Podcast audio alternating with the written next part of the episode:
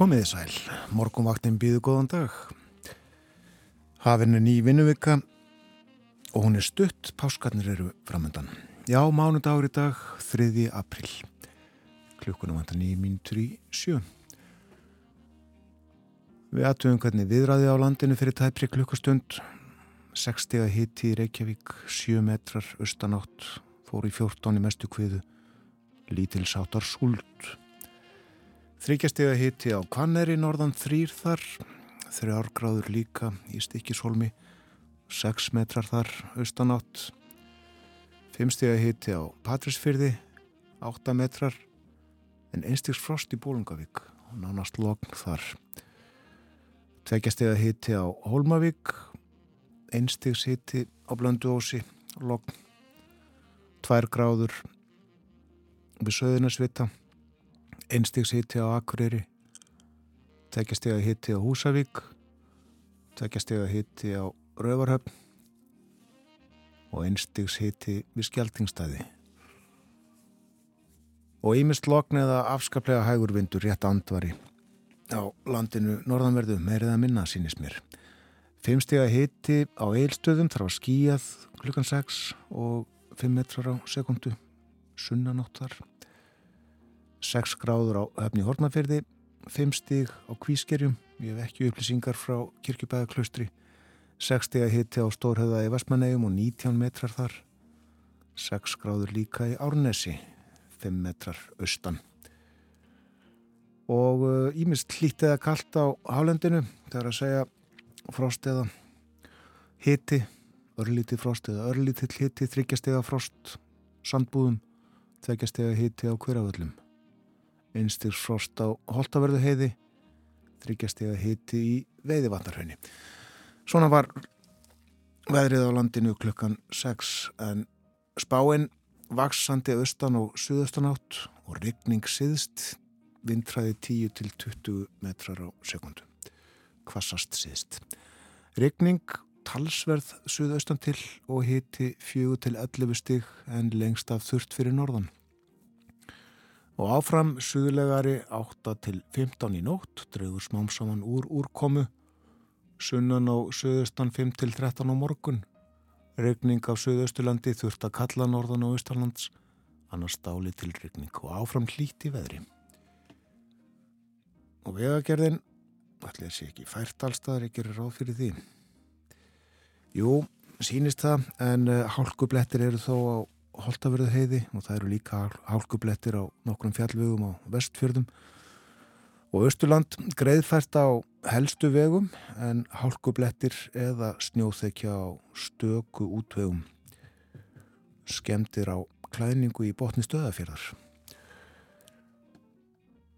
og vegurinn um Suðurdal á Hjeraði vegurinn um 933 er lokaður vegna vatnaskemta þetta eru ástæðunar í landinu þannan morgunin getum þess líka að uh, það er er óvissu stig vegna snjóflóðahættu á Östurlandi slík viðurinni gildi hjá viðstofunni og það er ímislegt að dagskrá morgumvaktarinnar í dag. Við ætlum að tala svolítið um fjölmiðla. Meirum það á eftir. Við fjöllum líka um passíusálmana og Björn Malmqvist verður með okkur, segir okkur tíðindi frá Brussel af uh, Evrópusambandinu, Allarshalsbandalæginu og ymsu fleiru. Við ætlum að tala líka eins um tíman, klukkuna. Við betur yfir það á eftir. Það var kosið í Finnlandi í ger og uh, þar verða stjórnarskipti finnar fá nýjan fósættisráð þeirra og uh, það verður Petteri Orbo Sanna Marín þarf að taka til á skrifstofunni fljótlega.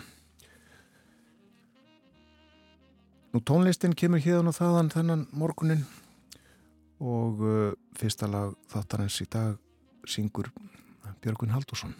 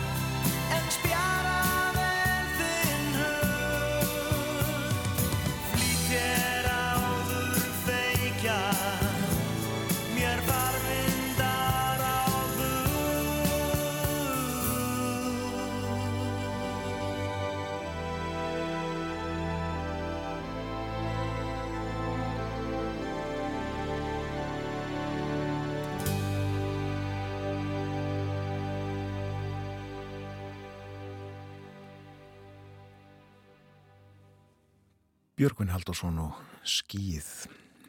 Af plötunni Ég syng fyrir þig. Björgvin samtilægið Vilhjálmur Vilhjálmsson gerði texta.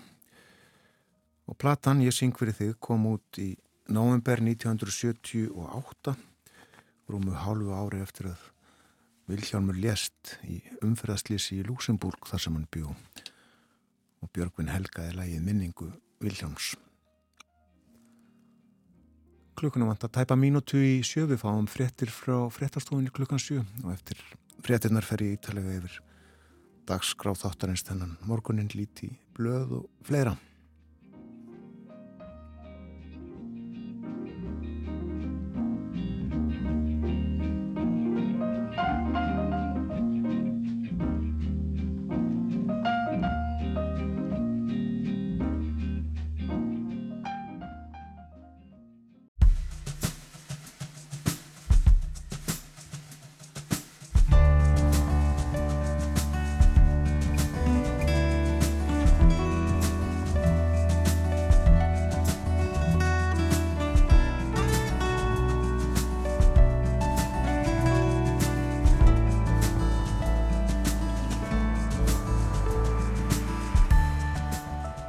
Góðan dag, morgunvaktin helsar, mánudaginn 3. april. Dimbilvikan er hafinn, framöndan eru þrýr hefðbundnir vinnudagar, skýrdagur er á fymtudag, þá föstudagur er langi og svo páskadagur á sunnudag. Og í tilefni þessa alls ætlum við að fjalla svo litið um Passíusálmana, Passíusálma Hallgríms Péturssonar. Hann ortið á upp úr 1650 og þeir hafa lengi fyllt okkur í aðdraðanda og um páska. Og við höfum flutt á hér á rás 1 venjusankvæmt síðustu vikur og á förstudaginn, förstudaginn langa, verða þeir fluttir í Hallgrímskirkju en í rúm 30 ár hafa þeir verið fluttir í heldi kirkjunni sem að kendir við skáldið. Steinun Jóhannesdóttir kemur til mín halv nýju og við spjöllum um passjúsálmana. Það verður líka fjallað um fjölmiðla í þættinum í dag en íslenskum fjölmiðlum fækkaði á förstu dag þegar útgáfi fréttablaðsins var hætt og útsendingum sjómarstöðurinnar ringbröytar sömulegðis. Martuði breyst í fjölmiðlun á síðasta aldar fjórðungi eða svo og þar ræður mestu internetið vefmiðlarnir komið til söguna rétt undir aldamót en þá þegar hafði dagblöðunum tekið að fækka. Ásker Fríðgesson hefur lengi fylst með fjölmjölum og unnið við á. Ásker verður hér upp úr hálf átta og við röpum um stöðuna og, og uh, líklega áframhaldandi þróun fjölmiðlar. Fjölmiðlunar. Og Björn Málkvist verður líka með okkur, uh, tala frá Brussel, við fjöllum engum um Atlasafsbandalagið í dag en utanríkisráþarar aðeldaríkjana funda í vikunni og hugsanlega verður utanríkisráþara Finnlands í hópnum og þá í fyrsta sinn. Björn talar frá Brussel eftir morgun frettinnar klukkan átta. Nú, uh, það er uh, útlitt fyrir suðaustan slagveðus rigningu í dag. Þetta segir veðufræðingur í hugleðingum. Þetta þó ekki við um all landi, það verður lengst af þurft fyrir norðan. Og það verður fremur hlýtt á landinu allvíða 7-11 steg að hitti þegar líður á daginn. Og morgundagurinn er bæði hægari og uh, úrkomu minna verður víðast hvar, síst þó á Suðaustulandi, segir veðufræðingur. Og vegir færir, uh, hálka þó sumstaðar til dæmis á Holtavörði heiði á fjallugum sömum á vestfjörðum og uh, það eru einhverjir hálkublettir á Östurlandi sumstaðar raunar snjóþekja. En uh, það er sagt frá því skeiti frá vegagerðinni á vestfjörðum að það má búast við stuttum lókunum á, í Þorskafyrði í dag vegna sprengivinnu. Þar er verið að reysa heilmikla brú yfir Þorskafjörð, það er verið að þvera Þorskafjörð eins og það er kallað. Brúin á að vera eitthvað, uh, hvað, 260 metrar held ég eitthvað svo leiðis heilmikið verk og uh, mikil samgöngu bót þegar uh, brúin nýja verður tekinn í nótkun ég held að framkvæmda með ég að ljúka næsta sumar þar að segja eftir umlega ár. Nú við lítum í bladið, morgunbladið og uh, þar uh, er fjallað um ímislegt uh, til dæmis þingkostningarnir í Finnlandi. Orbo, næsti fórsættisáþra segir hér. Og við heyrðum að þessu í frettunum áðan. Íhaldsmenn fengur flest atkvæði í kostningunum í Finnlandi í ger og Orbo leiðtói flokksins fær stjórnar myndunar umbúðið og verður fósættisáþra þannig er gangurinn í þessu í Finnlandi. Og uh, það er vitnað í hann. Hann uh, sagði í áarpi vitiði hvað? Við unnum stóran sigur. Þetta sagði hann þegar hann áarpaði sitt fólk eftir að uh, niðurstöðunar lágu ljósar fyrir. En uh, sigurinn var naumur. Og uh, það er líka sagt frá áarpi Sönnu Marín fráfarandi fósættisráð þeirra líðræðir hefur talað og finska þjóðin hefur greitt atkvæðið sín, sagði hún. En fórsíðu myndmorgublasins var tekinn í kirkinu í Grafaflói í gær. Þar var fermt eins og svo víða og sjást þau sér að Sigurður Gretar Helgason og sér að Guðrún Kals Helgudóttir veita einum fermingadrengnum blessun og handa yfirlagningu. Og uh, svo er hérna fjallaðum málefni fréttablasins en óanægu gætir segir hér meðal margra starfsmanna Torgs sem var útgáðu félagblasins sem tilkynnt var að myndu missa vinnuna á förstu dag þegar útgáðu blasins og ringbröðtar var hætt. En uh, starfsmennir um 100 talsins, helmingurinn í Blaðamannafélaginu og þessi hópur er um 15% félagsmanna Blaðamannafélagsins. Og það er gaggrínt að enginn fyrirvari hafi verið á útgáfu stöðuninni en stjórnendum og eigandafélagsins hafi móttur að ljóst hvert stemdi mun fyrr ekki síðar ennum áramót þegar dreifingu blaðsins var breytt. Og í því samhengi er nefnt að þrátt fyrir öfluga bakkjarla hafi aðeins verið greitt laun fyrir einn mánuð en næstu tveir eftirlátnir ábyrðasjóði launa. Fjallaðu þetta í morgumblæðinu í dag.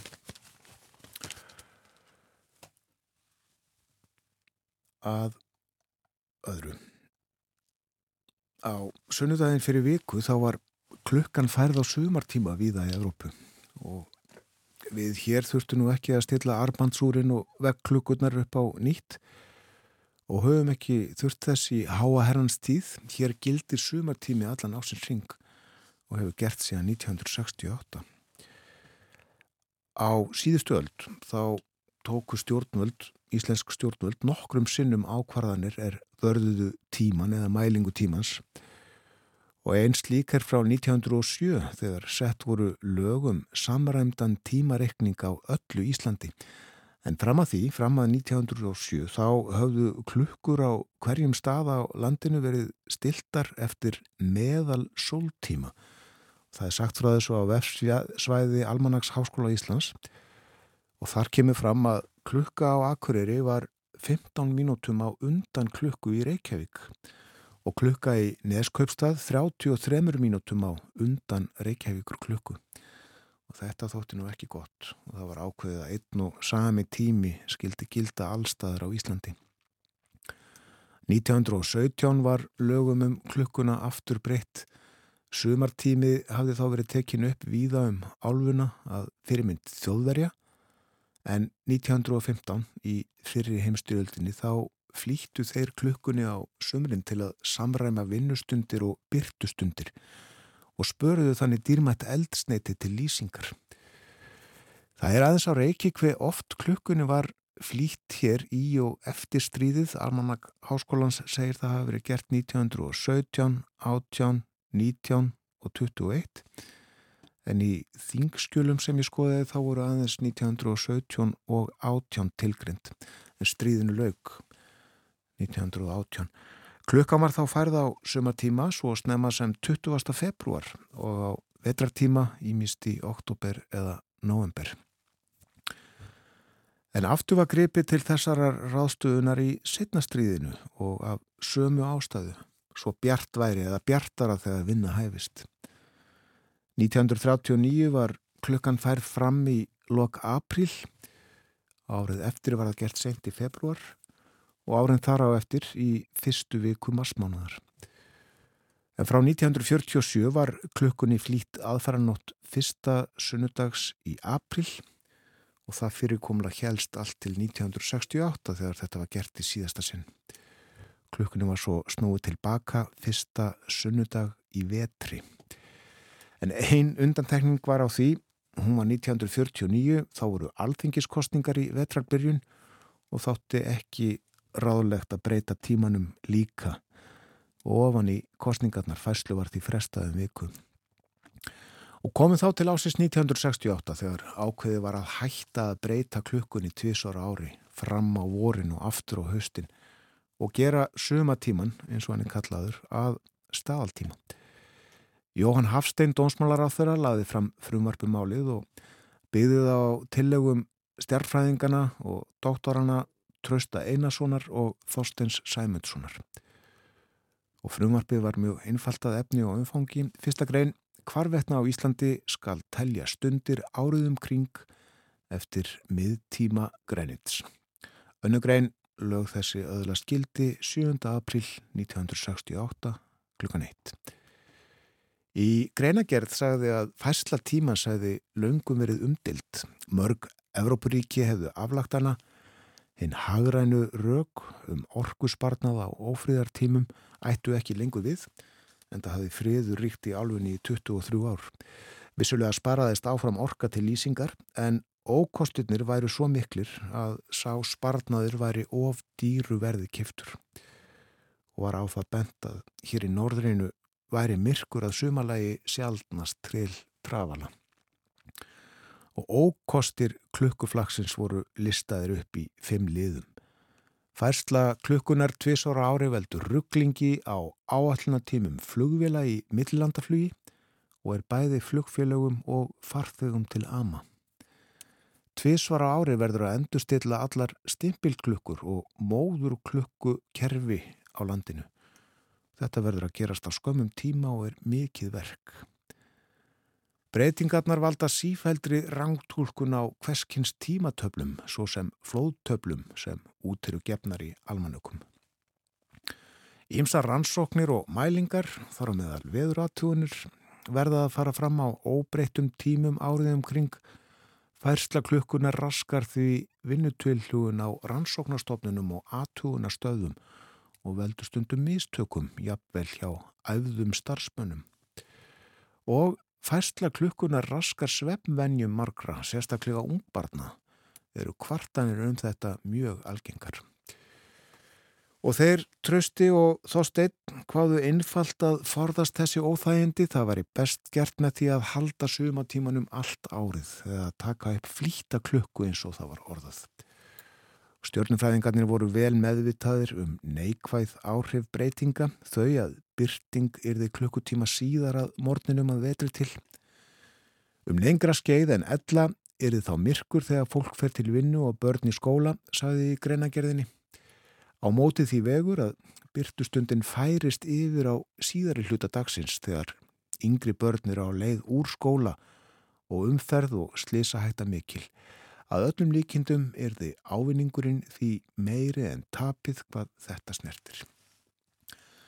Og skemmti frá því að segja að frumvarpið rann í gegnum þingið, var samþygt mót atkvaða lust Gísli Guðmundsson, þingmaður framsóknarflokksins og fyrirverandi kennari gerði þó fyrirvara við nefnda álit. Hann ótaðist að breytingin kynnið að vera til óþægenda, ekki síst fyrir lítil börn sem færu snemma í skóla. Hann vildi því að breytingin er gerð til reynslu og áhrifin er þið metin málið endurskoðað ef svo bæri undir. En klökkunni á Íslandi var því breytti síðasta sinn 7. april 1968 og 1968 var ár mikill að breytinga.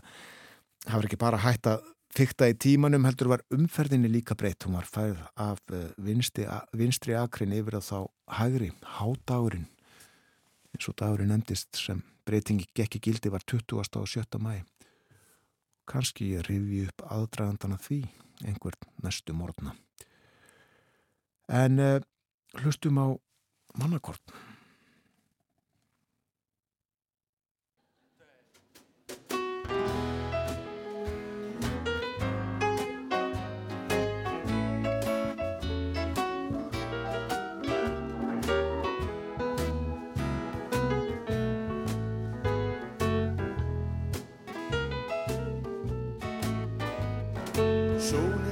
Á hvítan jökulskall í dag. Ég sé að lífið lóksmun ganga mér í hag. Því ég beði færis en held að nú sé lóksins lag. Beinn og breyður vegur liggur framundan og ég verð ekki skilin eftir húðundan Svona dásamlega dúrlegur, daglega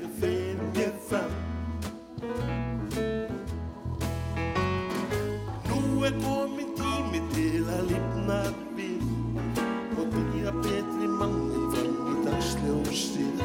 Það er gott að þurfa ekki að kaupa gaf.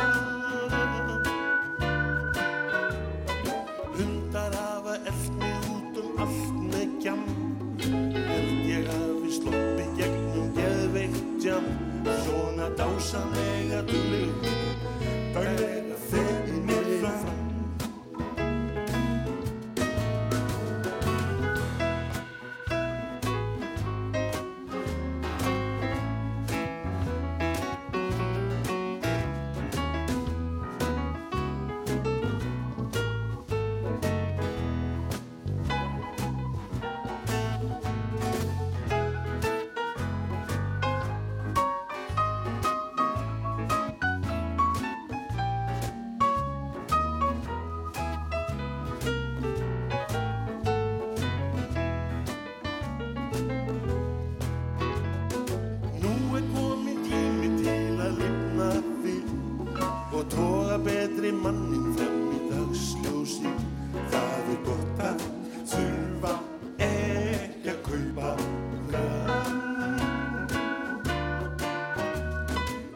Hundar hafa eft mig út um allt með gjam.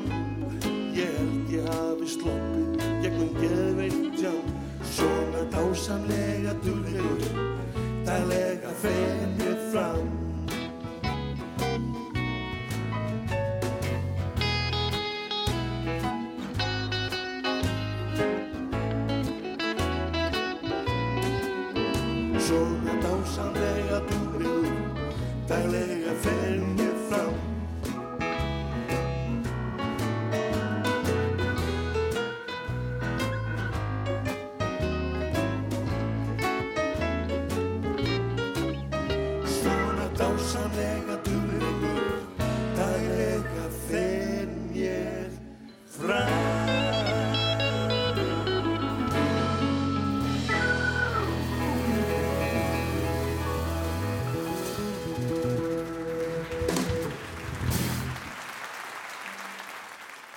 Mannakotna á tónleikum í háskóla bíói daglega fer mér fram.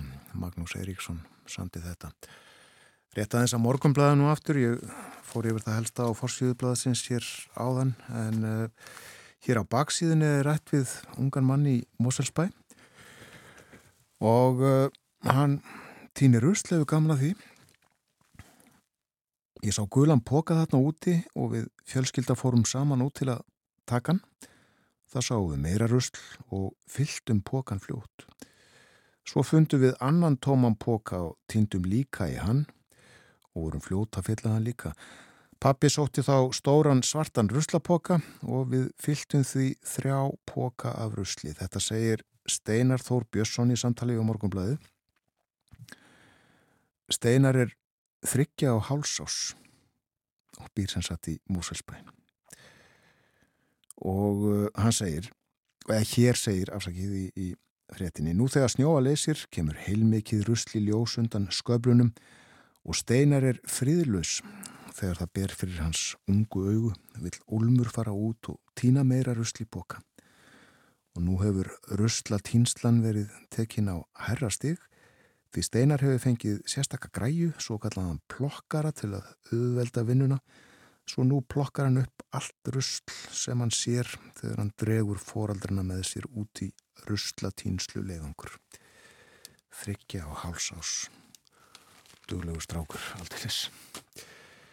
Nú, uh, aðeins til Finnlands uh, við uh, fórum yfir það stuttlega hér áðan að það eru yfirvandi fórsættisráð þeirra skipti í Finnlandi eftir kostningarnir í gær. Íhaldsmenn fengu flest atkvæði og uh, sannir finnar næst flest og sósjaldemokrater uh, flokkur Sönnu Marín núverendi fósættis á þeirra hafnaði í þriðja sæti. En uh, það var farið yfir uh, hlutfallstölurnar þeirra í fréttum.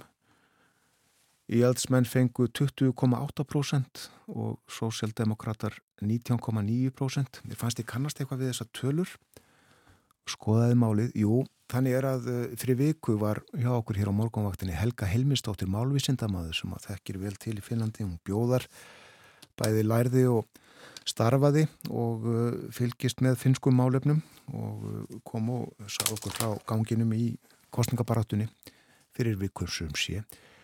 Og hún hafði þá nokkrum dögum áður fylgst með kapraðum í sjónvarpi og það á íle finska ríkisjónvarpinu þar sem að meðal annars voru byrtar tölur úr nýjustu skoðanakönnum og uh, hún saði okkur frá þessu hérna fyrir viku og þá sem sagt fánum dögum fyrir, fyrir tíu dögum í dag þá mældust íhaldsmenn með 20,8% sósjaldemokrater með 19,9% og þetta eru sem sagt nákvæmlega sömu tölur og komu svo upp úr kössonum í gær breytist ekkert á tíu dögum En uh, sannir finnar, þeir uh, bættu aðeins við sig frá þessari konun Íle, þarna 20. og 1. mars.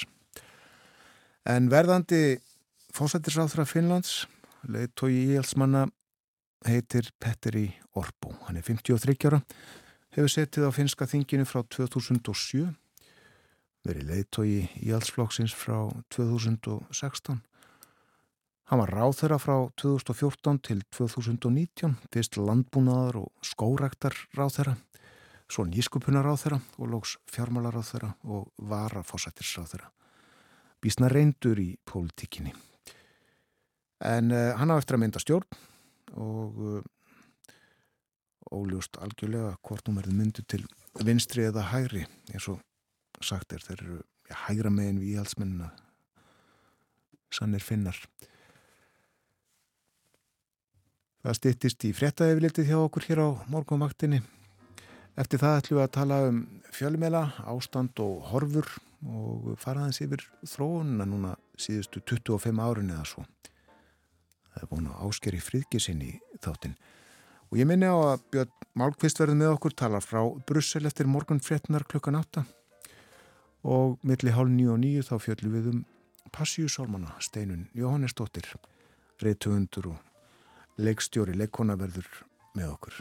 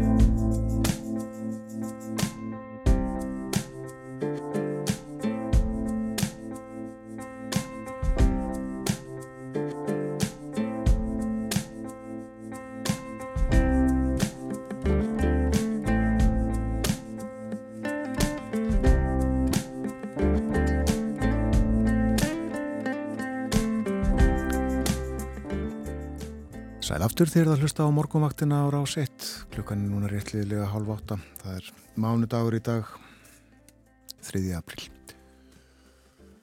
Við ætlum í næstu mínutur að tala um fjölmiðla og fjölmiðlun, ástand og horfur. Við erum einu dagblæði og einni sjómastöð fátakari í dagan í síðustu viku. Útgáðu fréttablaðsins og útsendingu ringbröytar hefur verið hætt. En fjórir lokaði sömulegðis fyrir fáinu vikum. Á heimbógin fögnuðu veðmiðlarnir MBL og Vísir aldarfjórðungs afmælum nú í byrjun ás. MBL sessat í byrjun ás, Vísir bara núna á lögadag. Og hér hjá mér er Ásker Fríðkesson, almanatengill og ráðgjafi. Hann var fyrsti réttstjóri Vísis og vann lengi við fjölmiðla eða nærið þeim. Hann var til dæmis fjölmiðlarínir í morgunþættinum á Rás 2 áranum upp á 1990. Það hafi ekki verið þá sem að við hittum síðast í, í hljóðstofu. Velkomin Áskir. Já, þakkaði við. Já, þú skrifaður auðvitað greinum fjölmila eða fjölmila landslæði eins og það er kallað í tilefni af 25 ára ámæli vísis, skrifaður í eða á vísi auðvitað. Við ætlum að tala vitt og breytt, það er allt undir og byrjum á nokkuð breyðum línum. Fjölmilun er nokkuð gömul finnst okkur flestum en hún er auðvitað ný í, í stóra saminginu, svona í samingi við aldur mannkins. Við ætlum að fara svolítið langt aftur. Jú, sko, það sem ég hef leitt hugan að svo lítið er, er þetta samtal sem ásist að í samfélaginu. Það er þetta hvernig við á hverjum tíma erum að, að leiða saman sjónamið til ákvarðana uh, og þá til þess að þróa samfélagið. Þetta kemur bæðið inn á menningu, mentir, vísindi, viðskipti og við sjáum ef við skoðum söguna að það eru nokkur stórir áfangar hvað varðar tækniframfærir sem skipta sköpum. E, má ég það fyrst nefna Já, það er svo smalt hægt að fara til þess þegar að, þegar að menn voru að, að berja í fyrsta skipti stafrúið í klett sérir einhvern þúsundum ára. Eh, en, en við getum ekki að staldra við Gutenberg og prentverkið hvað árið það síðan hafði á bæði þróun, trúfabræða, vísinda, menta.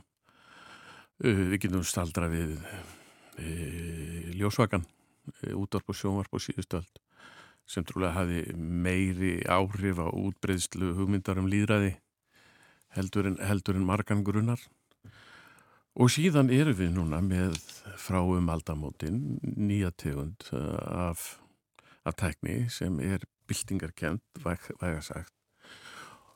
Og ég lít þannig á að við erum eiginlega í auga þess storms. Við sjáum ekki alveg við sjáum ekki alveg út úr því hvaða, hvaða árið þetta er að hafa. En ef við bara skoðum hlutverk hefbundina fjölmila, rít stýrna fjölmila, hvað það var uh, undir loksíðustu aldamáta, þá réðu þeir mjög miklu um þetta samtal í samfélaginu. E, síðan þá hafa komið e, frá því um 2006 eða 2008 e, samfélagsmiðlar, þar sem búið er að valdefla einstakling og hópa til þáttöku á þessum vettvangi. Mjög kröftulega Við sjáum sömulegis streymisveitur sem eru einhvers konar afbríðið af fjölmjölun ekki það sama, hljóðvörp og ymillega fleira. E, þannig að við sjáum núna að, að, að, að sagt, þessi hlutverk hefðbundina fjölmiðla að vera sagt, þetta ráðandi afl í, í samtalinu í samfélaginu það er að vikja og það er aðrir aðilar konir þarna að og í þessu þetta er í sjálfu sér gott og þetta er, þetta er vond e, þetta setur í uppná stöðu eldri fjölmila e, breytir tekjumótilum, viðskiptalíkonum mögulegu þess á að lifa. E, þetta eru nýjar háskoranir fyrir stjórnvöld sem telja mikilvægt fyrir mentir, menningu, líðrað og annað að þetta samtali í sér stað og sér kröftugt og öflugt Uh, og nú og þessi eins og ég var að reyna að gera í þessari grein í vísi, ég er svona að reyna aðeins átt okkur á því hvar hvar eru við í þessu öllu saman? Og, og, og þá, þá sem sagt gerist það að, að þetta blað, fréttablaði það, það leggur upp löpana uh, í, í, í þessari svona í þessum svona núna í, í þessari stöðu og, og í mínum huga þá kannski kom það ekkert sérstaklega óvart vegna þess að ég held að að eitt af því sem við höfum verið að, að sjá um, að þessir ókipis eða uh, fjölmiðlar uh, uh, hafa verið að gefa eftir og þetta er en, en, en ákjöfisfjölmjölar er þetta er 25 ára gamalt, við sáum þetta fyrst uh, uh, undir á síðasta áratug síðust aldar. Metroblöðin viða um heim uh, Sky sjófarstöðin þetta, þetta varð, varð á þeim tíma viðskiptaða líkan sem gatt gengið eftir og gerði það hér á landi með, með réttablaðinu En ég held hins vegar að framganga samfélagsmiðla sem er að hella yfir okkur efni hvaðan af að eh, sé að gera þessari tegund eða þessu viðskipta líkan í svolítið erfitt fyrir. En þetta voru þetta uh, mikil tímamót í fjölmiðlun þegar já, metroblöðin uh, kom út eins og kallaður og fréttablaðið hér og svo þessir vefmilar að, að, að allt í unnu voru fréttinnar ókipis. Fólk hafi þurft að borga fyrir þeirra. Já, þetta var, sko, vefmiladir verða til á þeim tíma sem svona í, í, í kringum það að, að, að ókipismiðlar er að verða til eins og með, með sjónvarpið. Skæ held ég hafi farið í loftið þarna snemma á tíundu áratögnum og þessi blöð byrjaði að, að, hérna spretta upp allstaðar veðmiðlarnir eh, ég náttúrulega mann það eins og að gerst, gerst í kær þegar við vorum eh, á þessum árum. Ég, fyrsti miðlinn sem ég kom að var var fréttamiðl á ennsku frá Iceland Review uh, og þar var svona það var gefið, síðan fóru við með, með vísi og fleiri miðla og þá var hugmyndin svo eins og enkendi all, alla netþróun líka hjá fyrirtækjum eins og Google og Amazon það var að ná sér í markaslutildina og síðan myndi væri hægt að þróa tekjuströyma og vissulega var það partur af hugmyndin í kringum fjölmiðla upp úr aldamótum að þeir myndu líka fara að vera að selja selja neytindaförur eða tryggingar eða, eða vera einhvers konar einhvers konar hérna kringla fyrir banka eða dringavískipti eða ferðarskristur Þa, það, það var partur af, af þessari sín á þeim dögum að tekju ströymandir kæmu með öðrum hætti en beinleis að borga fyrir efnið Já. en uh, þetta virðist uh, þetta fór á annan veg ferðageirinn hann bara þróhaði sínar eigin leiðir alveg fram hjá fjölmiðlum bankarnir sömu leiðis og, og og, og, og hérna þannig að fjölmiðlinn varð ekki þessi varð ekki þessi svona portalliða gluggi að netheimum eins og hugmyndin var á þeim tíma þegar menn ætluðu sér að ná viðskiptafinu með því að gefa þeim áhugavert efni eins og fréttir. Já. En hvaða áhrif fyrir sínast er þessi, þessar nýjungar sem að, að tóku að ríða sér til rúms þarna í kringum aldamótin síðustu ókeipis frettamillar hafi haft á gamla og gróna fjölmila? Sko ég, það eru til fjölmilar eins og þess Financial Times sem tók ákvörðun, stefnumótun stefnu, strategíska ákvörðun að þeir ætluðu að starfa og þróast á netinu og netið átti að verða Eh, sem sagt eh, farvegur fyrir nýja teikuströma. Eh, á þeim tíma voru þeir að gefa út blað sem var drift, ef ég mann rétt, eitthvað einhvern 200 steintökum, 250 steintökum. Í dag eru þeir með áskrifundur vel og aðra miljón. E, þannig að, að, að þetta fyrirtæki hefur aldrei dapnaðins vel og, og, og, og er að búa til gott efni og dreifing á efninu kostar mun meira en nokkur sinni fyrr. Uh, ef ég fer nokkur næri þá held ég að þetta sé víða þessi saga með, með starri fjölmjöla eins og Vestanhafs. Já. Uh, á Norðurlöndum eru áskriftamílandir í ágættum málum margi hverjir og sömulegis á meginlandi Evrópu.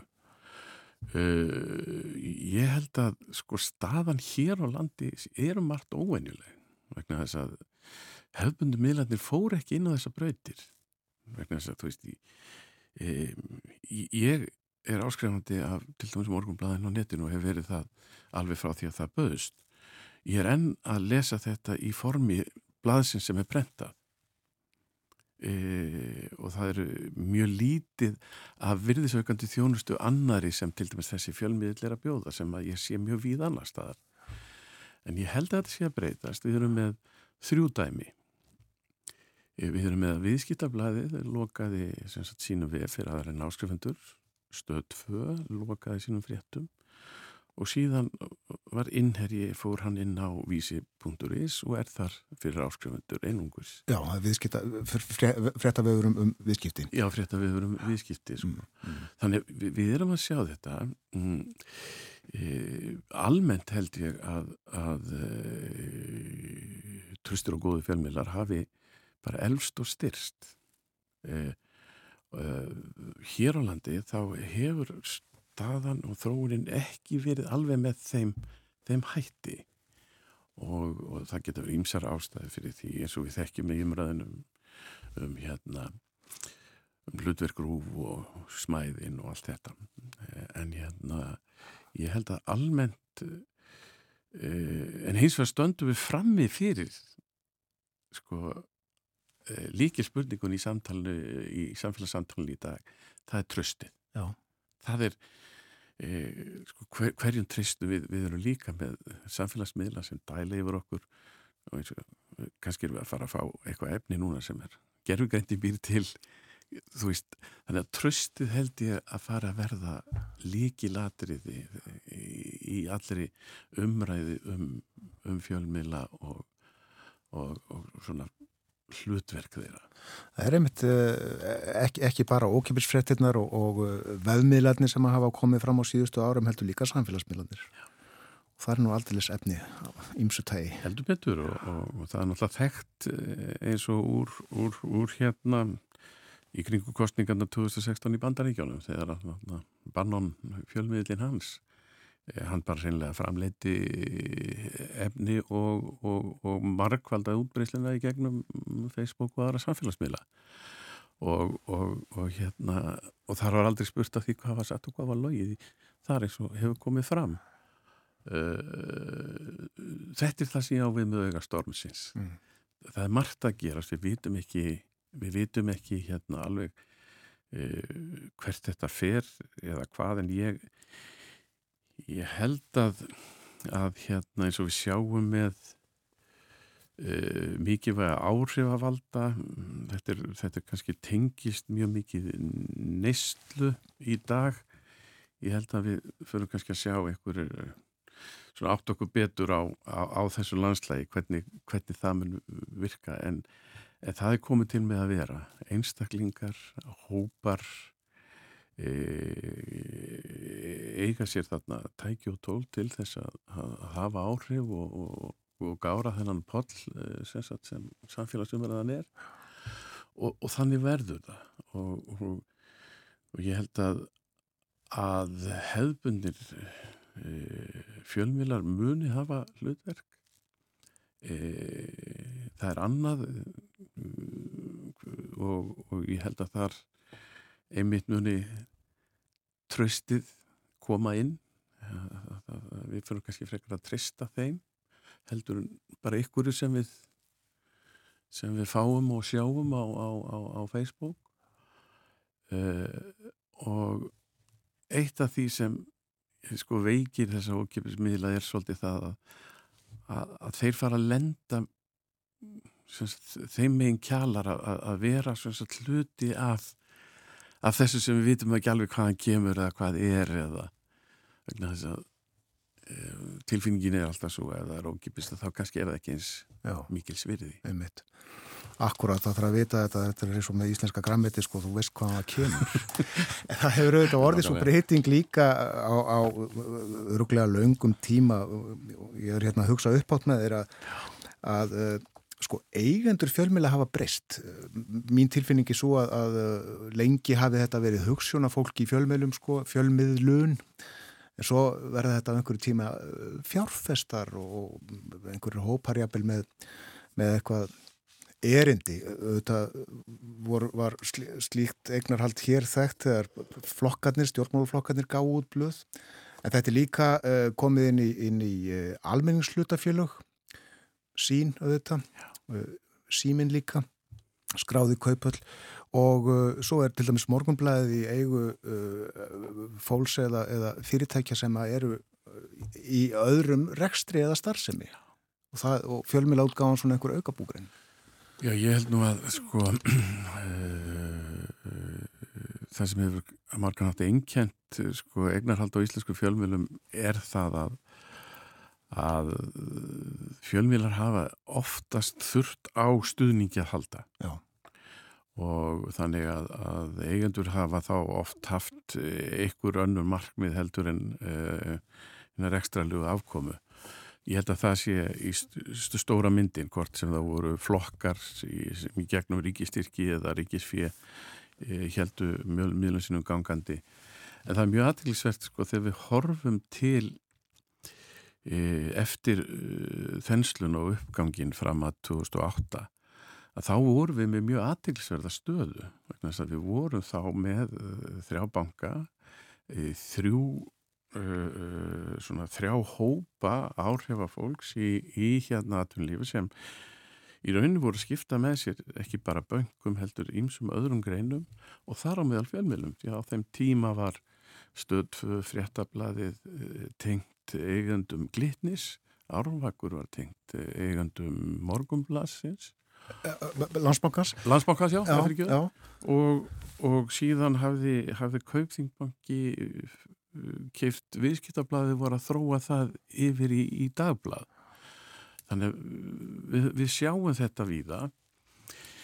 Erlendis er þetta með ýmsum hætti, það eru stóra fjölskyldur, stór fyrirtæki en svo eru við líka með e, sjálfsegnafjölu sem eins og, eins og til dæmis í kringum Guardian. Það er bara, það, það var stopna sjálfsegnafjölag sem þýðir það að það eru til fjármunni sem eru ávakstaðir og það eru ávöxtur þeirra fjármunna er notað til rekstrar og þetta, þetta, þetta er þekkt, þekkt nótir.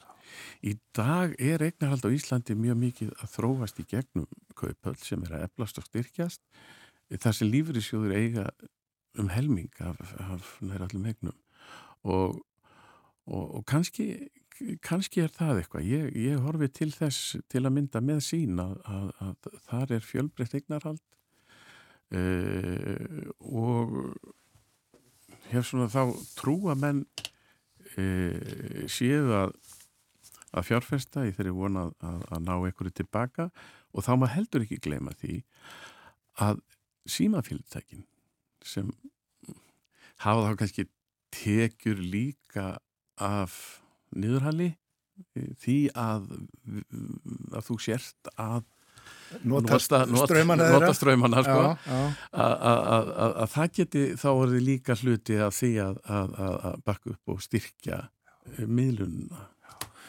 Glemði þið ekki að eh, mest lesna bladið á Íslandi er bændablaðið? Og það er eigu bænda.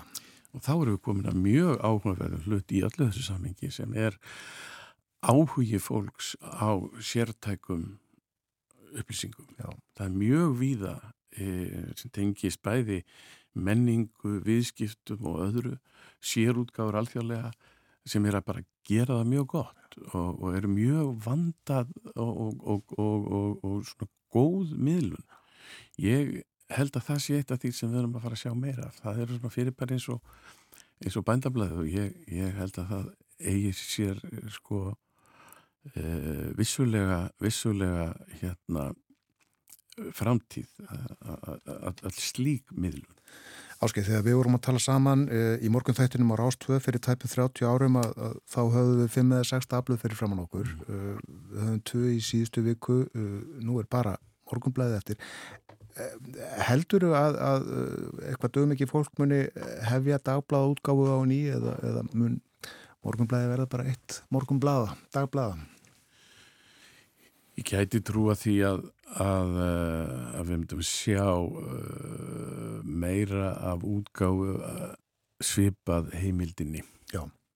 Uh, þar sem verður sem sagt, frétta og upplýsinga og, og þjónusta á vefnum en síðan nýti menn tækifærin sem felast í útgáfu og, og ná þá inn þessum tekjum sem eru á, á, í, í, í prenti og þá farir í helgar helgarblöð, ég hef ekki von á að uh, já, það kemur óvart að sjá nýtt uh, fréttablað dagblað verða til á Íslandi við þær aðstæðar sem uppveru núna. Já Ljósvakin er ágættur, internetið þetta líka en, en bladið er óskaplega sérmerandi. Það er það, mikið lósköp en, en því miður þá uh, benda allar tölur til þess að, að hérna yngri kynsluðir viti ekki alveg hvað þú ert að tala um. þegar þú hérna þegar þú talar um þessa romantíki í kringum það að, að fletta, fletta blöðum. Akkurat fólk breytist og ymmislega þannig líka sem betur fer kannski Við fylgjumst með hér, uh, spjöldum kannski uh, aftur fljóðlega. Þakka að kellaði fyrir að koma í dag, Áskip Ríkisson. Takk fyrir mig. Hér var réttum fjölmiðla. Og framöndan eru fréttir, þær koma á slæginu átta. Eftir fréttinar verður Björn Malmqvist fréttamaður okkar í Brussel með okkur. Við ætlum að tala svolítið um Atlashalsbandalæð, aðeins um Európusambandi líka. Minni svo á að uh, við ætlum að spjalla um Passíu Sálmána hér melli hálf nýju og nýju steinun Jóhannesdóttir verður með okkur.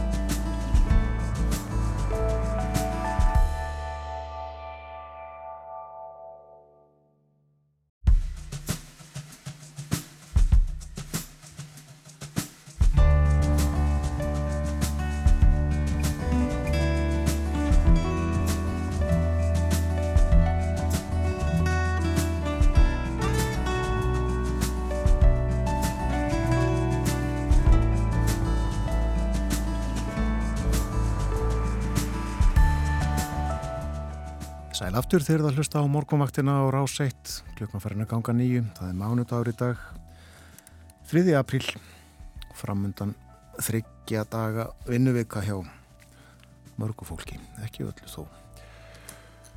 Skýrta ára 50 dag, förstu dagurinn langi á förstu daginn.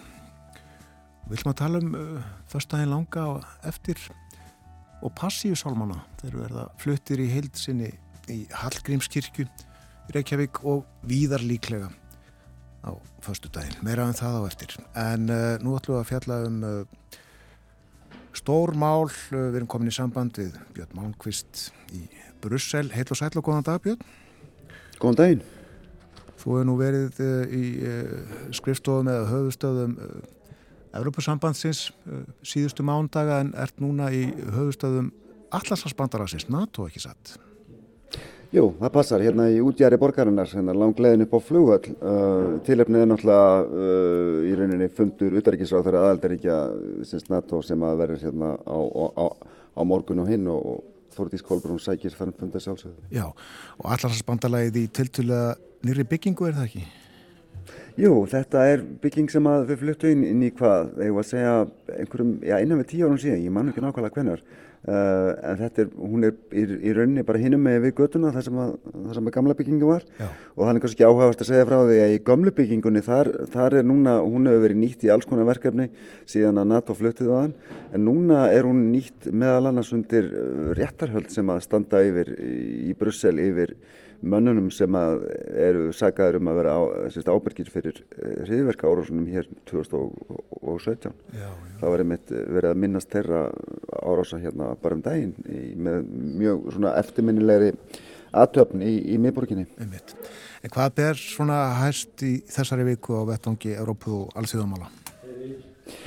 Já, það er nú ímislegt eh, svona á daskra og ímislegt sem hefur verið að gera. Ef við kannski byrjum á, á hérna byrjum að tala eins og kostningar ekki reyndar í Finnlandi eins og kom fram í fréttum hérna, hérna áðan heldur í Svartfjæðalandi þar voru sögulega kostningar í gerð Nú, hvað gerist þar? Jú, það, það er laug sem sagt 30 ára valdatíð uh, manns sem heitir Milo Djukanovic. Hann hefur verið ímist fósiti eða fósitisráður síðan 1991 en hann var semst að tapa í, í fósitikostningum í gerð við tekur fyrirverandi ráðherri sko, efnahagsmála, hann heitir Jakob Milatovic og hann hefur lofað að berjast gegn spillingu sem að hefur svona lengi loða við Djukonovic og hans fólk. Eh, náttúrulega Djukonovic í rauninni sko tók við það 91 þegar, þegar, hérna, þegar svartfjallarand varð sjálfstætt ríki.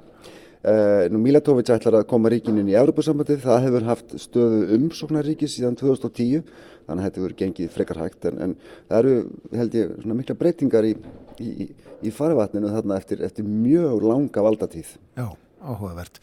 Nú svo er uh, Úkrænufósiti Selenski á, á leið til Pólans í vikunni, er það ekki? Jú, það ber alltaf til tíðindi þegar Selenski bregður sér að bæ í miðju stríði. Hann Þetta var nú bara detta inn hérna á 8. tímanum í morgun í, í fréttamilum að Selenski verður sérst í Varsjá á miðugdægin og hittir vantilega Andrzej Duda, fórsetta Pólans sko náttúrulega pólverið hafa stökt úkrænum en með ráðum og dáð og tekið á, mót, á móti hátt í 2 miljónum íbúa.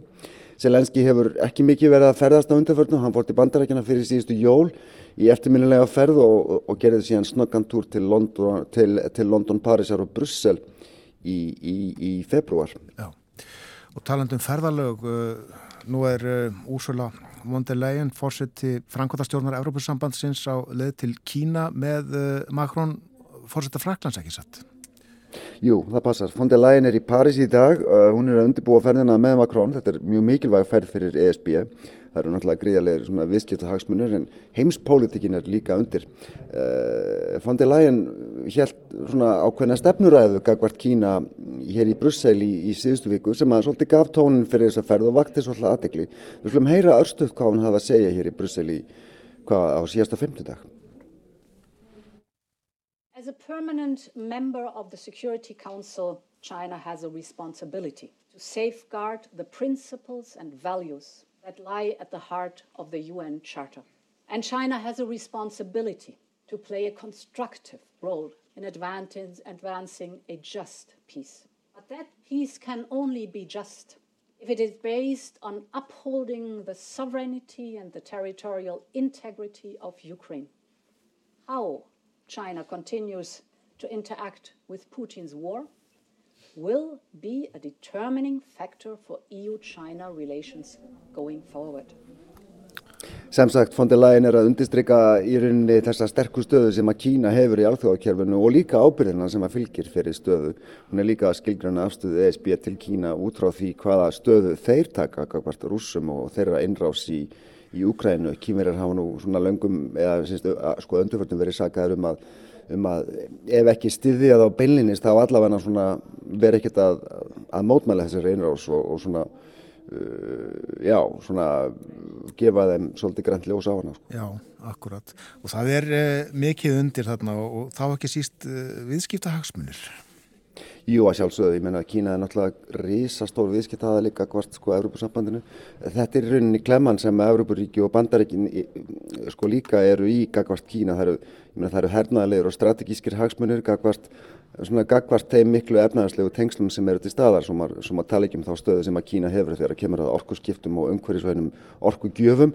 Þeir kemur að ráða við mjög mikilvægum ráöfnum og málmum, og málmum sem eru, eru nöðsilir í þá umbreytingu sem að mun eiga sér staði í orkumálum á, næstu árum og það verður alveg öruglega að tala um það líka. Já.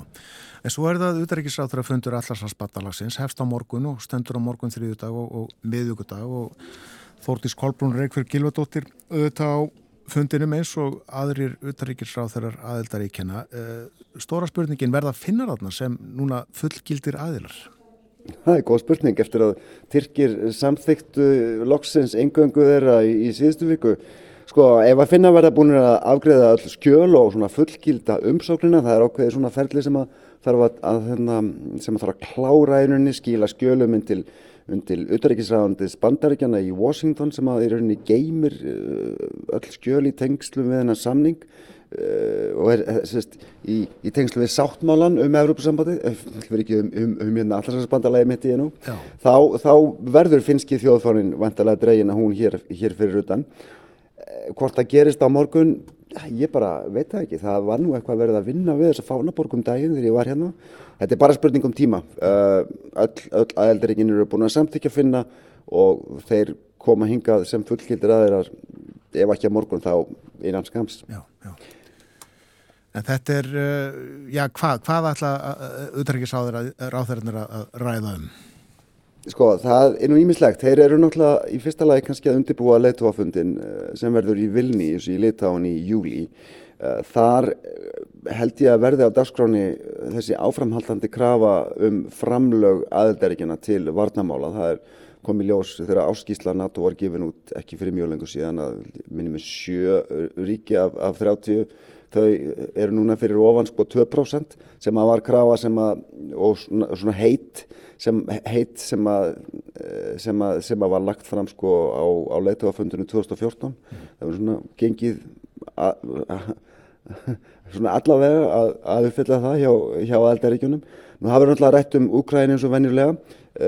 Uttaríkisáþur uh, Úkræninu mætir á fundin og það verður náttúrulega talað um hvernig bandalagstjóðunar og bandalagi sjálf geta haldið áfram að styðja við stjórnvöld í Úkrænu, hvað var það bæði hernaðarmál og, og líka svona borgarlega hjálp. Um, það byrð líka til tíðinda á þessum fundi núna í vikunni að það verður formlegu fundur á ráþeirastígi í sérstökur ráði Allarslandsbandalagsins og Úkrænu og þar verður utaríkisráðara Úkræna sjálfsögðu. Það er næstum fjögur ár síðan að þetta ráð kom síðast saman á ráþeirastígi. Nei fyrir ekki auð þá, þess að það var á sendiherrastígi og þeir, það var 2017 minnum eða 18. Þá fóruðu til Kíf og áttu, áttu fund með Selenski eh, fósetta Úkræninu. En sagt, þrátt fyrir alla aðstofun á samskiptin sem að NATO hefur áttu Úkræni síðustu árin og sérstaklega síðustu misserinn þá hefur þetta ráð, það er að segja þetta formlega svona Úkrænu NATO ráð ekki komið saman aðalega vegna þess að ungverjar sem eru aðeldathjóð í NATO er á, er á móti er á móti svolítið svona að diffka samstarfi við Úkrænu. Býtu hvað hafa ungverjar við þetta aðtóða? Þetta er eh, svona í aðra röndin að deila sem á, á sér rættur í sko fortíðinni sko, svona viða hérna á meilandinu er svona mjög flókinsaga og landamæri sem hafa fæst fram og tilbaka Þessi deila snýst um svæði sem hétt einu svona Karpatíja en núna hér að í Ukrænum sem heitir Zakarpatíja og þarna búa á samtöðurum ríflega 100.000 manns af ungverskum uppruna. Um, 2017, þremur árum eftir að byltingin var gerðið í Kiev og rússar tóku yfir Krímskagan og allt það, þá voru sett lögu í Ukrænum sem að hvaða um að öll kennsla eftir 5. bekki grunnskóla skildi vera á ukrænsku. Þessum lögum var náttúrulega beint gegn rúsnesku En þau þýttu líka að ákveðni skólar í þessu héræði, Sakarpatíu, þar sem að íbúar voru að meira luta ungverskumælandi, þeir mátti ekki lengur kenna á ungversku. Stjórnvöld í Ungverjalandi þau bröðust nú frekar hart við þessu, þau myndi stoppa aðlögun Úkræna NATO og reyndar að, e- sko, að ESB líka. Og síðan þá hefur þetta NATO-Úkrænur áð eiginlega ekkert fundað. Það var líka fleira sem gerðist, 2018 fóru ungverski diplomater í þessu héræði í Úkrænu að útluta ríkisborgararétti í Ungverjalandi og og hérna útlöfda vegabrjöfum líka sem að náttúrulega fór ekki vel í stjórnvöldi í Úkrænu og svo fyrir kostningarnar 2019 í Úkrænu þá reyndu stjórnvöldi í Budapest að styðja við stjórnmálaflokki þessu héræði sem að reyndar tókst nú ekki betur en svo að flokkurinn náði engum manni inn á þingi í Kiev. Mm. Svo skánaði þetta ekkert mikið þegar ungur er sömdu við rúsa árið 2021 um að fá gasi gegnum leiðslu sem að liggur í gegnum svartahafið eða undir svartahafið en ekki í gegnum Úkrænu. Það þýtti að Úkrænu myndi verða miklum tekjum þetta var reyndar svona dreyið tilbaka þannig að ég var að segja að það sé svona ákveðið vopnarlið í þessum samskiptu núna. Já, en þetta lítur að hafa breyst eitthvað eftir að rúsa riðist inn í Úkræn og síðast ári. Eh, Orban fósettir á Ungverðlands og ungversk stjórnvöld hafa tekið þáttir það ekki í þingunar aðgerðum gegn rúsum? Jújú, jú, þeir hafa spilað með og, og hérna og tekið, og ég meina samþygt uh, hvað, nýju og núna tíu pakka af þungunarækjörnum sko, en Orban hefur eins og hefur verið trefð til að taka svona jafnstór skref og margir aðri leittuar í ESB og NATO. Hann hefur til dæmis ekki leiftu vopnaflutninga til Úkrænu um, um Ungverjarland. Uh, sko, Ungverjar hafa líka verið mjög háðir orku frá Rúslandi og Og þeir hafa líka notað þetta ástand til þess að skapa sér stöðu gagvart ESB sem hefur svona á undanförtum árum verið að fresta því að afgriða alls konar styrki til Ungverja út af, út af alls konar málum, mm -hmm. til dæmis út af því hvernig dómskýrðaði statt í Ungverjalandi, hvernig fjölmilegur eru stattir þar, svona, svona önnur mál sem hafa verið að matla í langan tíma í svona, var að segja svona, svona lágstemdum en viðvarandi deilum Ungverja við í rauninni sko við ESB og reyndar má líka líta á sko, umsók svíja í NATO í þessu ljósi að því að eh, sko, ungverðar hafa verið að humma fram af sér að afgreða það umsókn og, og margir telja að það sé til þess að skapa sér einhverja samningstöðu ef ekki hjá, hjá, hérna, hjá NATO þá, þá, þá allavega hjá, hjá sérsta Európa-sambandur. Og hvað þá núna? Hafa þeir ungverðarnir látið undan þrýstingi til þess að fundur í samráðsnefnd NATO og Ukrænu verði haldinn? Nei, ég held ekki. Það var nú einlega bara Stoltenberg sem ákvaða og tilkynnti nýlega að þessi fundur væri að dagskrá. Það veist að það frestaði svo nógu lengi og hefðu umbóð til þess að setja hann að dagskrá. Nú var ég komin tími til að halda áfram. Við sjáum vantalega á morgun hvernig umhverja taka þessu og heyrum kannski af þessu mitt í, á bladamærafundi sem að Stoltenberg verður með eftir glukkutíma og ég gerir ráð fyrir því að segja frá eitthvað fræg í hátæðisfrættum. Akkurat. Segjum þetta gott í dag. Kæra þakkir fyrir Björn Málkvist. Þakka þér Björn. Björn Málkvist í Brussel í höfustöðum Allarsafs bandalagsins. Nefndum aðeins Finnland eh, sem að eh, mögulega tekur þátt í þessum fundi utaríkisráð þeirra Allarsafs bandalagsríkjana á morgun og miðugudag.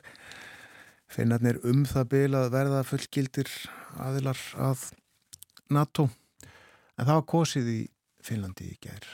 Skulum hlusta á finska tónlist.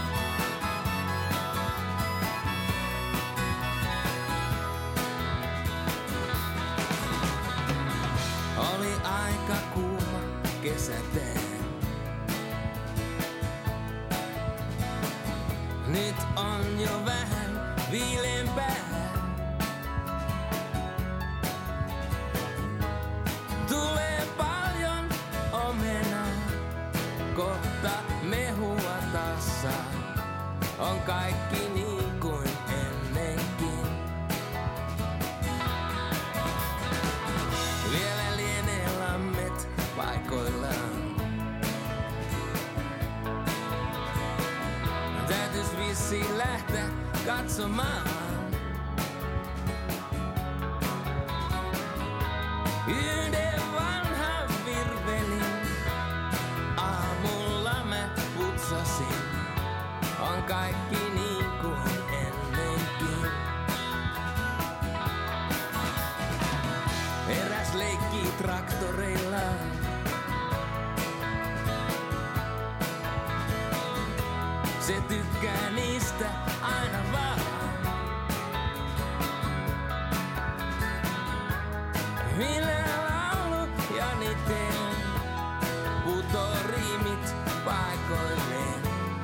Kaikki niin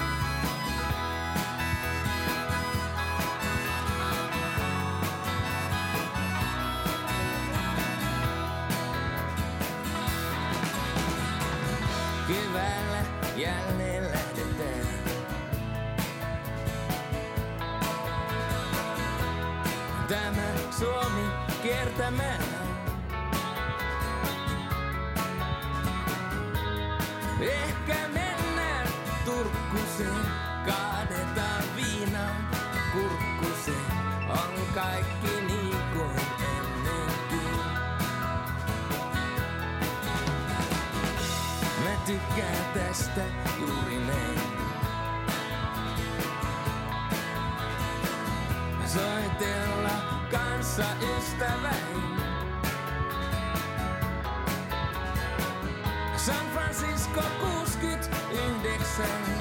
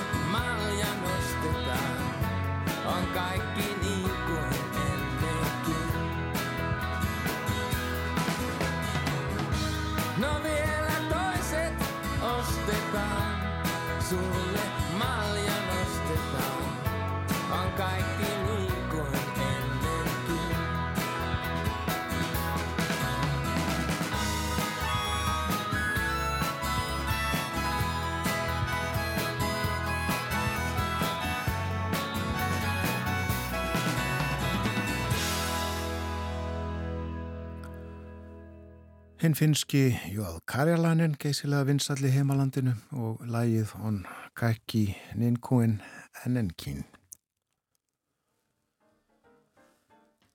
Það verður slegið á aðra strengi hér á morgunvaktinni eftir fréttaðið sem að kemur eftir fimm mínútur.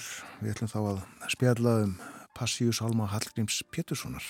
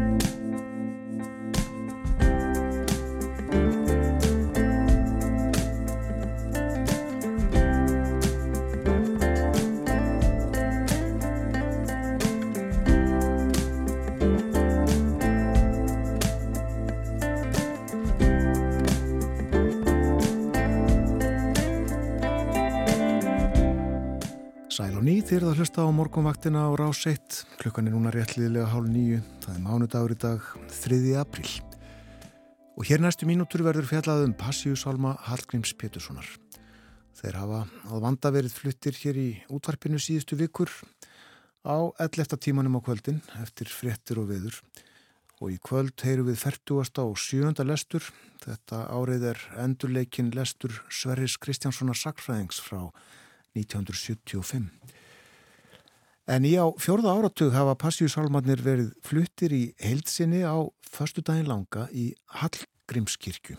Og það var Eyvindur Erlendsson leikúsmaður sem hafði veg og vandað flutningið þeirra í Hallgrímskirkju fljótlega eftir að kirkja var tekin í nótkunn. Það var líklega 1989 sem að sálmarnir voru fluttir í kirkjunni í fyrsta sinn. Og hér hjá mér er Steinun Jóhannesdóttir sem hefur umsjón með flutningnum í ár og hún hefur lengi haft áhuga á passíusálmunum og Hallgrími og ekki síður eiginkonu að skuðriði Símonadóttur. Velkomin í þáttinn Steinun. Takk fyrir.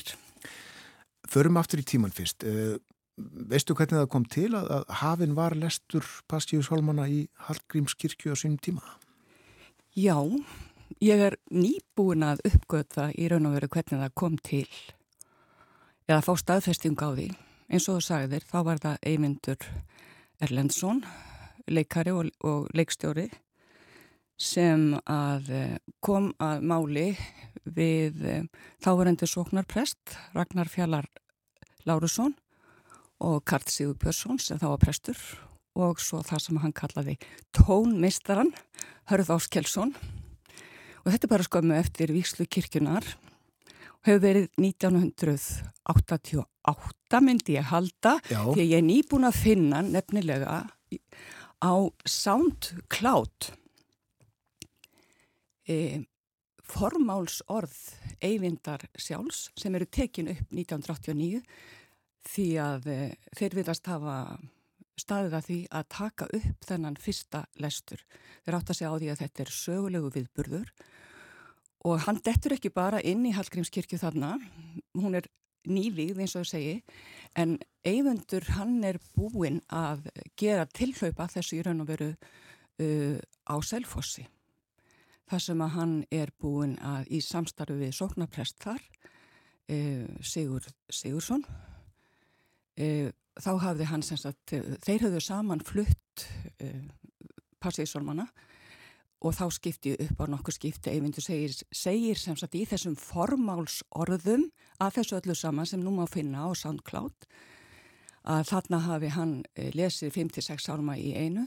Og það er í framalda þessu þegar kirkjan blasir við í öllu sínu veldi og það er búið að hafa svona óskapla mikið fyrir því að reysa Hallgrími þetta minnismerki og við skulum muna það að engu íslensku skáldi hefur verið reistur annar eins minnisvarði og Hallgrími Pétursinni og þarna sem að sér hann opnast tækifæri til þess að flytja verkið í heilsinni. Hann eins og ég og fleiri marga kynnslóðir höfðu auðvitað fylst með lestri passíusálmana það sem er eitt lesin á kvöldi.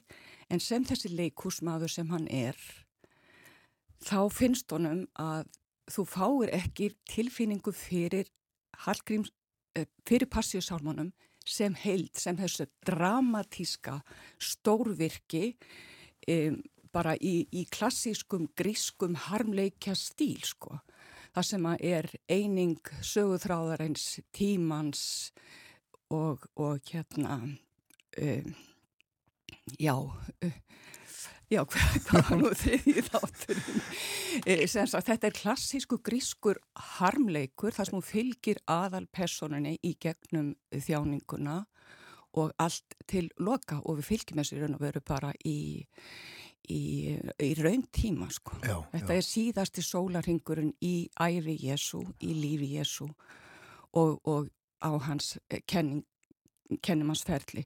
Þannig að eh, þetta er leikusmaðurinn sem skinjar að til þess að, að þú skinjir, upplifir bálkin eins og hann segir sagt, þetta drama í hildsinni, þá þarf að flytja það allt í einu. Þú þarf að fá kost á þessu Akkurat. og, eh, og passíðsálmarnir bjóða hverjum unnanda tungunar og hverjum þeim sem að hefur ánægju, ég tala nú ekki um atvinnu af því að flytja texta, að þá eru þeir svo ótrúlega safaríkur texti og skáldskapur að eh, það, það er bara, þetta er bara með þessum stóru viðfangsefnum sem flytjandu texta geta tekið sér fyrir hendur, það er að flytja þetta Já. og síðan að gera þetta náttúrulega í heilsinni, það, það er náttúrulega ótrúlegt þrek og útald því að þetta er á sjötta tíma sem að þetta tekur. Akkurat. Nefnum það steinun uh, SoundCloud, uh, það er svona hljó, hljóðveita á Já, internetinu. það er hljóðveita Já. og þetta kom mér óvart, en þarna rekur hann sem sagt hennan aðdraganda og núna sko eru sem sagt 35 ár í raun og veru. Liðin frá því að hann gerir þetta í fyrsta skipti, Mm. þá er hann svona um 50, eitthvað svo leiðis og, eh, og við sem að tilhörnum þessari stjætt leikusfólks, við erum um, alltaf að feta í fótsporun hans eyvindar og uh, mér finnst það alveg uh, stórkoslegt og núna hef ég um, við erum fjórir leikarar og ein fræðikona eða fræðimaður á 18 stofnum sem lesum þetta núna.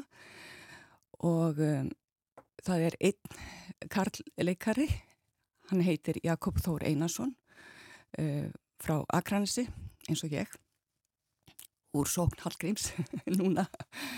Uh, Halla Guðmundsdóttir, uh, leikona sem er líka bóndakona og byrji ásum í Gnúburjarheppi og Halla Margret Jóhannesdóttir, hún er leikona og skált sjálf en starfar í myndlistargeirunum Eh, kynningafulltrú á kjærvalstöðum og svo er það Svanhildur Óskarsdóttir sem er alveg frábærlega góður uh, ljóðalesari. Já, og þetta val, uh, eða þessi uppstilling ef við getum sagt sem svo uh, fjóra konur og einn karl, já þetta er ekki út í bláin. Nei, þetta er ekki út í bláin og þá getur kannski aðeins komið að hérna markaðsmanninum Hallgrim Pétursinni, hvernig hann, þegar að hann vissi það að hann var með einstakt verk í höndunum.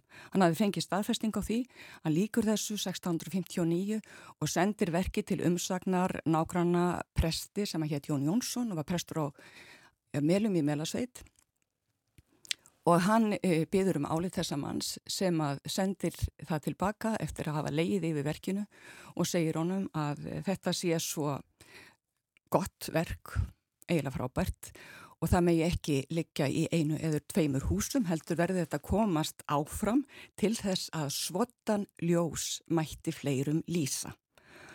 Og þegar að Hallgrímur fær þessa umsögnum verkið sitt að þá hefst hann handa við að koma því á framfæri, hann fer að gera afriðt. Þetta er allt saman handrit á þessum tíma. Hann var vissulega alin upp á hólum í Hjaltadal þar sem hann var eina prentsmiðan og hann vissi alveg hvernig bækur urðu til og hvað þurft að gera til þess að koma bókum í dreifingu og skálskap til fólks. En þarna býr hann á Vesturlandi þar sem er engin prentsmiðja og hann sem sagt ákveður að, að koma þessu til fjögura kvenna. Hann byrjar að senda handriti sín konum sem hann byður fyrir þau og að sjá til þess að þeim verði ekki stungið undir bekk. Og hann velur þessa konu mjög vandlega, þetta eru konur sem hann treystir, þetta eru konur sem eru allar tengdar Ídrahólmi við Akranes Þar hafði hann átt skjól hjá mjög góðu fólki, hjónonu þar, uh, Árna Gíslasinni og konunni hans Steinunni Hannesdóttur og þetta er sem sagt tengsl við Ídrahólm Uh, sem að, að, að hérna, gera það verkum að hann treystur öllu þessu fólki og þar fyrir utan býr þetta fólk, þessar konur, búa á stöðum þar sem að er verið að vinna með handrit. E, það er í Kaldaðanesi, í Flóa, það er e, í, Hítardal, þar sem var mjög mikið e, bókasapn og, og fræðaiðkun og það sem voru skrifarar að störfum og það er í Einastnesi og svo fer síðasta handritið ári síðar í Skálholt. En þessar konur héttu Ragnhildur Árnadóttir, dóttir Árna í, á Ídraholmi, e, Helga Árnadóttir, hún var dóttir Árna Oddssonar Lögmanns, sem var nákvæmni Hallgríms líka, og, e, og Kristín Jónsdóttir í Einasnesi. Og svo ári síðar að þá fer reitt eh, handrit til Ragnhildar Brynjósdóttur í Skálholt og hún er lang yngst í þessum hópi mm og hún átti líka mjög skamma æfi. Já. En það er hennar handrit, handriti sem fór í skálholt sem hefur varfist til okkar daga og er bara meðan mestu gessema í íslenskri bókmenta og handrita sögur sko. Og er núna verið að reyna að koma því á heimsminjaskar á í raun og vera. Já, já, já. Er það varfitt á í, í, á landsbókasafninu. Landsbókasafninu. En semst það er í minningu þess að Hall, Hallgrímur, Jakob Þór, hann er þá tákn fyrir skáldið, skrifandi skáldið og það vil nú reynda svo til að hann leik Hallgrím í leikriti sem að ég skrifaði e, og var syngt í Hallgríms kirkja á sínum tíma, Heimur Guðriðar. Hann tók við af Þrestili og Gunnarsinni sem ég heyrði í útvarpinu morgun að var að fá viðkenningu sem bestileikari í, í hérna aða hlutverki fyrir áferð með mömmu núna. Akkurat. Jakob Þór tók semst að við hlutverkin af honum í síðustu síningunum Og, og svo eru það við fjórar konur, sem sagt ég og Halla Guðmundsdóttur og Halla Margrét og Svanhildur Já. sem erum fulltrúar þessara kvenna. Og þetta er sem sagt, þetta er markasmaðurinn Hallgrim Pétursson. Þetta er markasmaðurinn sem veit að hann er með mikla gersemi í höndunum. Og, og ef ég má vitna í til dæmis bara orð eirindar sem ég var að hann vittnar í Haldur Lagsnes e, þegar að hvernig Haldur Lagsnes lýsir e, hæfni og, og ástlætti skáldsins Hann segir sem styrriðgerðum passíðusalmana óskil greinilegur indísleiki hins fætta snillings er allstaðar nálægur í ljóðans, í myndunum, orðavalinu, áherslunum, rinjandinni, í því hvernig hann ber tunguna, í því hvernig hann dregur andan. Það er þessi óskýranlegi undir ómur passíðusalma sem hefur gefið skáldunu eilíft líf í brjósti þjóðarinnar. Þetta er náttúrulega rosalega stórkoslu umsögn En Hallgrímur hefur lifað í brjósti þjóðarinnar frá því að, að þessi handrit hans sem að sendi konunu fóru í sína fyrstu dreifingu og þau eru þannig að dreifast nokkur ára áður heldur en að sálmannir eru prentaðir í fyrsta sein sem var ekki fyrir 1666. En smátt og smátt næran þessari stöðu í hjarta þjóðarinnar verða þessi helsti sálusorgari. Núna höfum við áfalla hjálp og við höfum sálfræðing og við höfum geðlækna og þegar að mikið gengur á og mikið bjátar á ef að e, snjóflóð og örflóð hefðu fallið yfir e, á, fyrra, fyrra á tímum og þegar þau gerðu það þá greipur greip fólk í passíusalmana af því að passíusalmanir þeir náttúrulega eru þetta drama um þjáninguna um hérna dýfstu þjáningu, um dýfstu örvæntinguna en líka um vonina, um að maður komist í gegn, uh, að það sé eitthvað betra sem takir við að maður uh, eigi atkvarf þrátt fyrir allt sem ámanni dýnur að þá, og það er náttúrulega þetta trúarlega atkvarf Eh, það eru þetta búið að taka það að einhverju leiti út úr þeirri hérna, hvað ég var að segja, áfalla hjálp sem að núna er, mm. en þó er kirkjan kemur hún mjög ofta að þessu. Já. En ef að fólk í sjálfsjálpar leit, það, það finnur auðvitað alveg ótrúlega mikið í passíðsálmanu. Þeir eru fullir af þessum huggunarmólum, þessum huggunar og, og þessari, þessari miklu nálægð skálsins við Jésu, þeir eru svo miklu vinir, þeir eru svo nánir og, og Hallgrímur, hann, hann lifir sér svo inn í, inn í þjáninguna, inn í örlögin, inn í allt þetta ferli sko. Já svo er þið bara svo góðu texti þótt þetta ekki verið annað. Þetta er svo frábær mm. texti eins og, og Haldalagsnes er að lýsa og hann fer, Já. þetta er svo freistandi að taka þetta sér í mun og reyna að koma þessu áfram Já. og sem sagt í þessum heldarflutningi að þá ferðu tilfinningu fyrir þessu sem risastóri skáldsögu eða sem stóru stóru verk, heldarverki sko sem þessi saga er sögð. Eh, Steinu, þú hefur oft komið að flutningi Passíusalmana í Hallgrímskirkju á skólavörðuholti en eh, einni í Hallgrímskirkju á, á Sörbæi Kvalfyrði, Sörbækirkju. Þar var Hallgrímur jú prestur, ekki reyndar í þeirri kirkju sem að nú stendur, en var ekki tilkom ekki að flytja sálmana þar? Er, þetta er eins og helgustadur í mínum augum. Ég er fætt á alin uppalinn á Akranesi og þetta áður var alltaf leiðin e, til Reykjavík og fram hjá Sörbæ ef maður fór í bíl eða rútu. Og um, ég bar alltaf óskaplega eitthvað nefn hlýjar tilfinningar og mikla verðingu fyrir þessum stað. Og þetta er, þetta er eins og helgistaður, það er það ekki nokkuð spurning.